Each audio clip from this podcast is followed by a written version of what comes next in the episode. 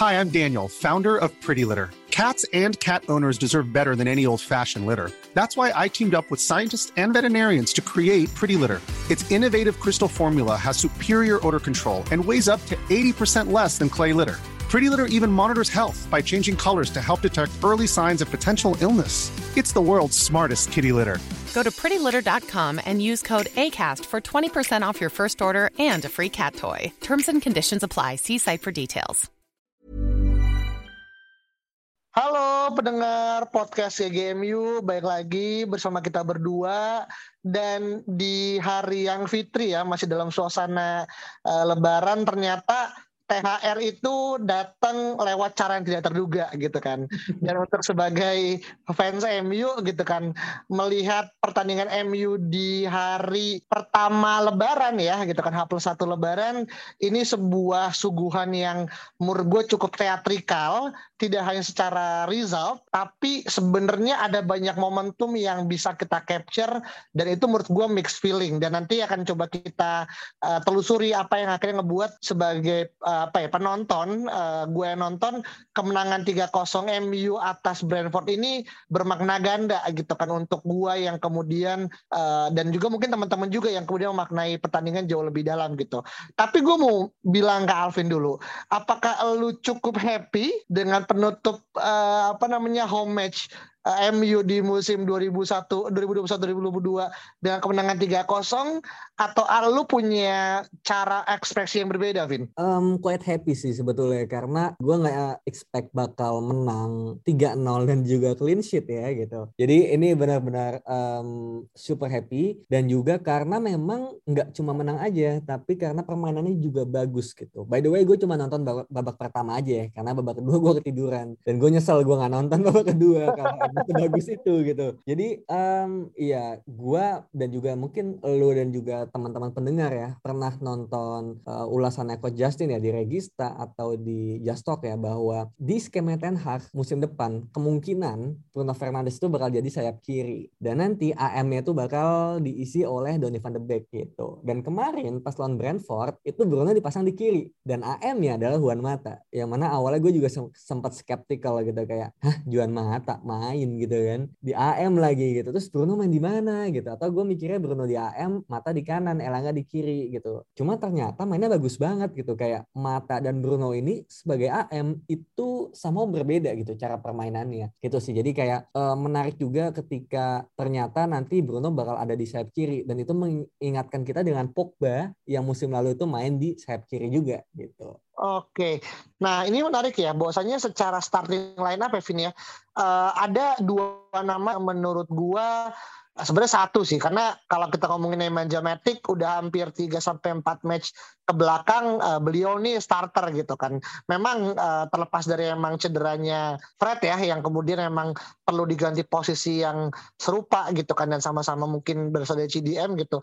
Cuman memang kenapa akhirnya mata main selain tadi Alvin bilang untuk membiasakan Bruno untuk mulai mengisi roles-nya Pogba di sayap kiri gitu kan. Meskipun kalau kita ngomong apakah Bruno akan jadi seorang winger, enggak juga sebenarnya gitu kan. Tapi ini lebih kepada menurut gua ada tribut ya yang kemudian uh, coba untuk diberikan oleh Ralf Ragnik gitu kan untuk uh, Mata dan juga Matic yang memang di akhir musim uh, mereka quote unquote harus hengkang nih dari Old Trafford gitu kan. Dan kita udah pernah bahas juga Evin ya di uh, episode uh, musim awal terkait dengan kontrak extensionnya Juan Mata gitu kan. Dan kita semua kalau bisa gue bilang agree kalau Mata berhak dan layak mendapatkan uh, kontrak tambahan dan kemarin jujur ketika full time gue tuh agak sedikit terharu gitu. Karena gue nonton sampai akhir dan um, ketika buat kita yang mungkin paham uh, kedatangan Juan Mata tahun 2014 gitu kan. Dan sampai sekarang udah 8 tahun uh, dia serve uh, apa United as a badge ini perpisahan menurut gue manis. Selain memang kemudian dia pun juga diganti di babak kedua gitu kan. Tapi kalau misalkan gue bolehnya ke Alvin lagi nih selain dari memang uh, pesta perpisahannya Mata dan juga Matic kita ngelihat dari secara permainan kan Alvin juga bilang ada peningkatan Alvin ya. Ini baik lagi apakah memang sebagai sebuah apa ya uh, brilliance-nya Ronaldo dan juga apa namanya Bruno gitu atau ada hal yang kemudian mulai terinfluence dari mulai maraknya apa namanya Ten Hag yang kemudian mulai mencoba menerapkan sistem berbeda Vin untuk di musim depan Vin? Uh, kalau menurut gua malah kayak gimana ya? Uh, di sini kelihatan bahwa sebenarnya MU bisa main bagus gitu. Semua tuh down to the players. Menurut gua di match ini kelihatan bahwa sebenarnya pemain tuh bisa kok main bagus dan menjalankan uh, apa ya kayak permainan yang itu bisa. Cuma sama mereka nggak punya semangat aja gitu kayak udah menyerah dan udah nggak mau lagi gitu. Jadi kayak um, sepertinya di pertandingan ini tuh mereka benar-benar ingin memberikan kepada fans karena secara ini pertandingan terakhir di home kan dan juga kayak ya mungkin udah nggak ada lagi yang bisa mereka kasih. Dan the only way dan the last thing yang bisa mereka kasih adalah ya ini pertandingan on Brentford. Dan mau nggak mau harus main bagus gitu. Jadi ini lebih kepada semangat passion dan desire aja yang ingin mereka tunjukkan. Selebihnya menurut gue sebetulnya nggak ada perubahan. Dan gue yakin Rangnick juga nggak banyak melakukan perubahan dari sisinya dia gitu. Cuma somehow pemain eksekusinya jauh lebih bagus lagi. Oke okay. berarti ini emang lebih kepada uh, tribut kepada fans yang kemudian menurut gue sih gue yakin ya mau seberapa mungkin MU main buruk sih tetap Old Trafford sebagai sebuah stadium tidak akan uh, apa namanya uh, apa namanya uh, kosong ya. Kita nggak tahu kok tetangga sebelah seperti apa. Cuman uh, poinnya adalah gue setuju kalau either way musim ini harus ditutup dengan baik. Dan sebenarnya um, apa ya penampilan kemarin gitu ya. Kalau kita ngomongin secara individu menurut gua gitu kan. Kalau kita ngomongin Fernandes deh gitu kan. Dia kan udah hampir lap 8 games ya tidak mencetak gol ya. Kemarin akhirnya dia mencetak gol meskipun uh, lewat tap in dari uh, siapa? Anthony Elanga. Tapi menurut gua ini cukup bisa membuat dia mengangkat moral ya. Karena kita ingat juga ya pas kemarin dia hampir mencetak gol lewat titik putih di lawan Arsenal tapi gagal gitu kan. Dan kemarin uh, apa namanya penalti kick diambil oleh Ronaldo gitu kan. Jadi menurut gue kalau ngomongin secara mental iya ada semacam kayak uh, motivasi eksternal untuk fans dan ini sebenarnya pertandingan kemarin itu mengukuhkan MU di peringkat ke-6 ya Vin ya dengan 58 uh, eh, poin tertinggal uh, tiga angka nih dari uh, Tottenham dan juga enam angka lawan Arsenal gitu. Yang mana sebenarnya posisi 6 kalau kita terus menang di dua match terakhir uh, spot untuk masuk ke UEFA Champions League masih terbuka gitu. Nah, lu merasa apakah MU memiliki target untuk kemudian uh, mengincar di zona Eropa atau balik kepada peraturan ya lebih baik kita peringkat 8 tapi benar-benar ada apa ya uh, restorasi lah secara tim Vin. Iya kalau misalnya kita bicara dari sisi fans ya mungkin fans juga ingin iya banyak keinginan lah. Kalau nggak empat ya delapan aja sekalian gitu. Tapi menurut gua dari sisi pelatih nggak bisa kayak gitu gitu. Tetap harus profesional untuk meraih yang terbaik gitu. Ya yang terbaik untuk sekarang gitu. Yaitu peringkat setinggi tingginya gitu. Jadi gua nggak yakin bahwa pelatih menginstruksikan untuk kayak ya udahlah kalah aja biar kita peringkat 8 tuh nggak mungkin sih gitu. Jadi lebih kepada fight for top 4 gitu meskipun kata Rangnick juga kayak udah almost gone gitu atau officially gone officially lebih kepada karena nggak mungkin Arsenal kalah terus kan gitu kan. Bukan secara matematis tapi lebih kepada ya rasionalisasinya aja gitu tuh nggak mungkin Arsenal kalah terus gitu sih. Jadi mm-hmm. menurut gua meskipun gua juga ingin ranking 8 itu better daripada Europa League atau Conference League gitu. Cuma sama gue yakin ya Rangnick nggak akan melakukan itu sih dan ya nggak apa-apa juga gitu. Kayak sama gue yakin pasti akan ada selalu plus point poin dari segala hal gitu sih. Oke, iya iya. Dan uh, apa namanya pada pertandingan minggu ini ya uh, sebagai dua penutup ya, uh, bos saya kan udah uh, week week, uh, week ketiga tujuh ya sekarang ya, yang di mana kita akan bertandang ke Brighton and Hove Albion gitu kan di mana sebenarnya uh, kalau kita ngomongin catatan sejarah uh, kita masih ingat sekali ya bagaimana akhirnya ada drama di menit akhir gitu kan gue lupa ini kalau nggak salah musim lalu ya Vini apa musim ini ya yang uh, MU pernah diuntungkan uh, oleh wasit ya ketika kita ngelawan Brighton dan ini mainnya di di apa di kan di tandangnya Brighton juga gitu kan dan kita harus kemudian uh, apa namanya melawat gitu kan ke Brighton yang kemarin pun juga uh, sebenarnya juga menang uh, cukup telak juga 3-0 juga gitu kan. Jadi uh, sebagai klub yang memang memiliki recent performance yang cukup bagus, lu melihat pertandingan besok lawan Brighton ini ada nggak mungkin ekspektasi yang akan dituntaskan selain dari tuntutan fans ya yang kemudian akhirnya menutup manis di Old Trafford, Vin? Menurut gue kalau emang kita bisa bermain dengan cara kemarin ya definitely kita bisa kalahin semua tim ya ranking 5 ke bawah tuh bisa betul sebetulnya gitu ini tinggal perkara lu mau bermain untuk fans atau manajer atau enggak gitu loh jadi kalau misalnya kita bicara ya 10 pertandingan terakhir, excluding lawan Brentford kemarin, ya menurut gue sih bakal imbang atau mungkin kalah ya gitu. Cuma kalau misalnya bermain seperti lawan Brentford, desire-nya ya menurut gue bisa menang gitu. Bahkan clean sheet lagi pun bisa gitu. Karena secara juga Brighton bermainnya nggak jauh beda gitu dengan uh, dengan Brentford ya, yang pegang bola, agresif dan proaktif gitu. Jadi menurut gue chance kita untuk bisa pukul balik mereka tuh ya gede juga. Hmm, oke. Okay. Berarti chance untuk kemudian melanjutkan tren positif akan terus berlanjut ya. Dan kalau kita ngomongin statistik gitu kan, di Amex Stadiumnya Brighton di tahun 2022 sebenarnya mereka juga belum pernah menang di kandang.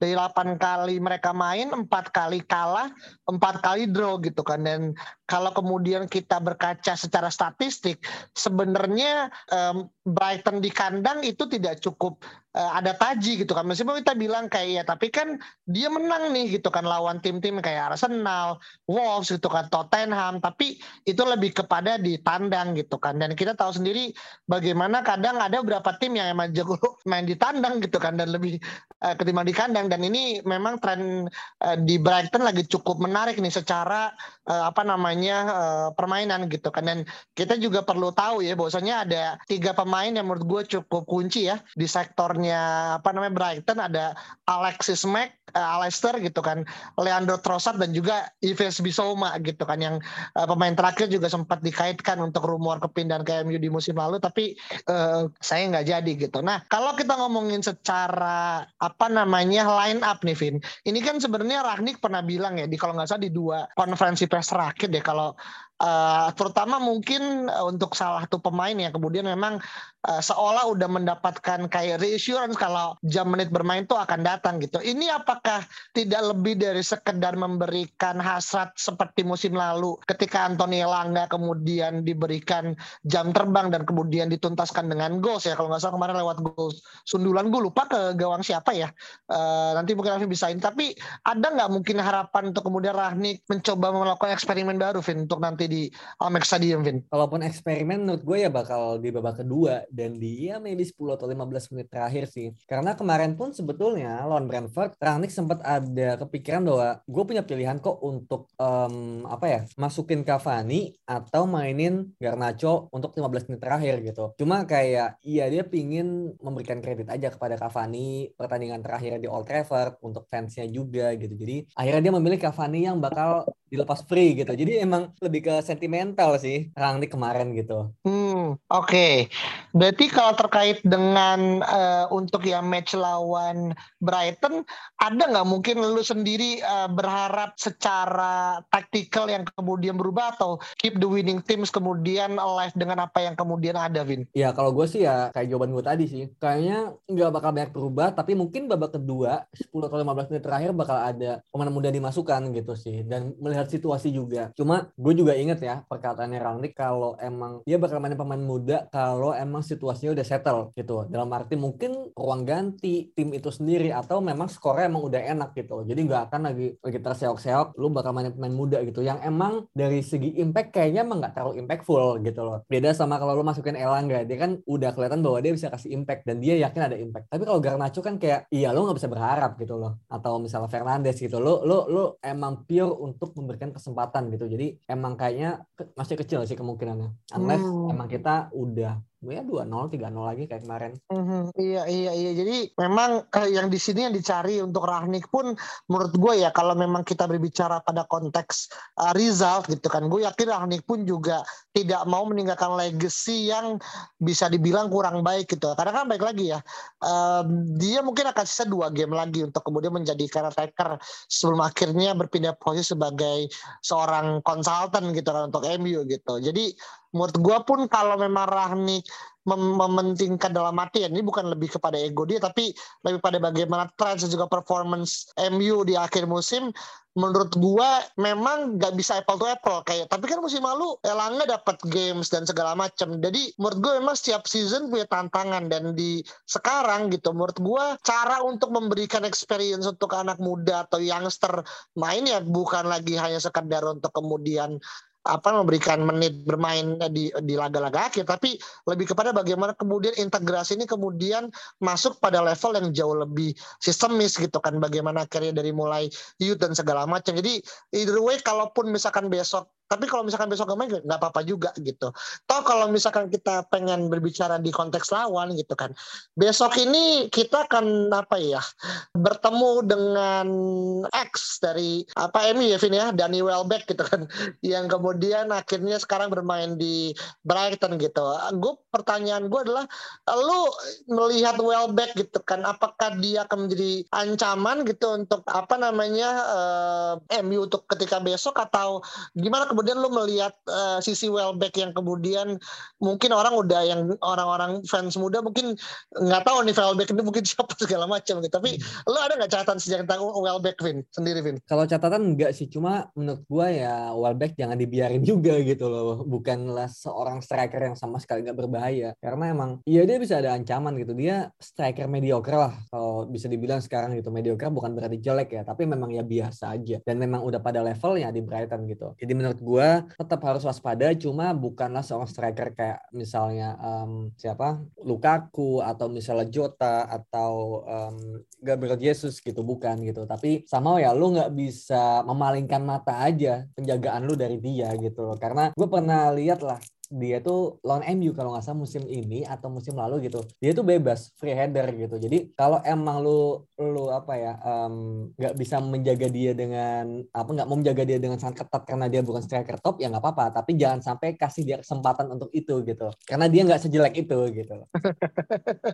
Iya iya iya. Jadi keep eyes alert aja ya terkait dengan bagaimana yeah. keberadaan Welbeck yang tetap harus diwaspadai terlepas mungkin kalau secara kualitas agak cukup apa ya uh, terlalu melebihkan kalau memang dia selevel Lukaku yang mungkin akan mencetak uh, mungkin gol atau bahkan hat segala macam gitu. Tapi baik lagi uh, menurut gua uh, it's always good ya untuk kemudian ketemu sama ex youngster gitu kan yang uh, ada di klub lawan dan uh, terlepas kemudian besok akan uh, menjadi uh, lawan. Tapi buat gua gue selalu kemudian fascinating untuk kemudian melihat bagaimana MU Academy uh, ada lah lulusan yang kemudian mungkin bermain di liga-liga apa namanya Inggris gitu kan. Bahkan main di IPL dan salah satunya ya yang akhirnya masih bertahan ya Danny Welbeck gitu kan. Selain dari Michael Keane gitu yang di Everton. Tapi nggak banyak kemudian uh, apa jebolan yang kemudian uh, masih tetap bisa eksis uh, seperti sekarang gitu kan Nah, mungkin terakhir kali ya kita update terkait dengan apa namanya uh, squad gitu kan. Dan di sini uh, apa namanya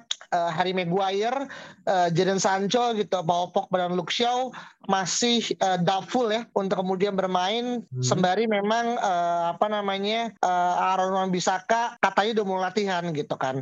Terlepas mungkin akhirnya sih tetap main mungkin akan Diego Dalot gitu. Dan uh, secara formasi tidak akan jauh berubah yang menurut gue pribadi ya akan tetap sama gitu kan kan paling kalau ada perubahan ya setelah mungkin ketika MU berhasil ngesil kemenangan di angka 2 atau 3 kosong mungkin uh, Rahnik mulai bisa memainkan pemain muda untuk mendapatkan uh, jam terbang gitu kan.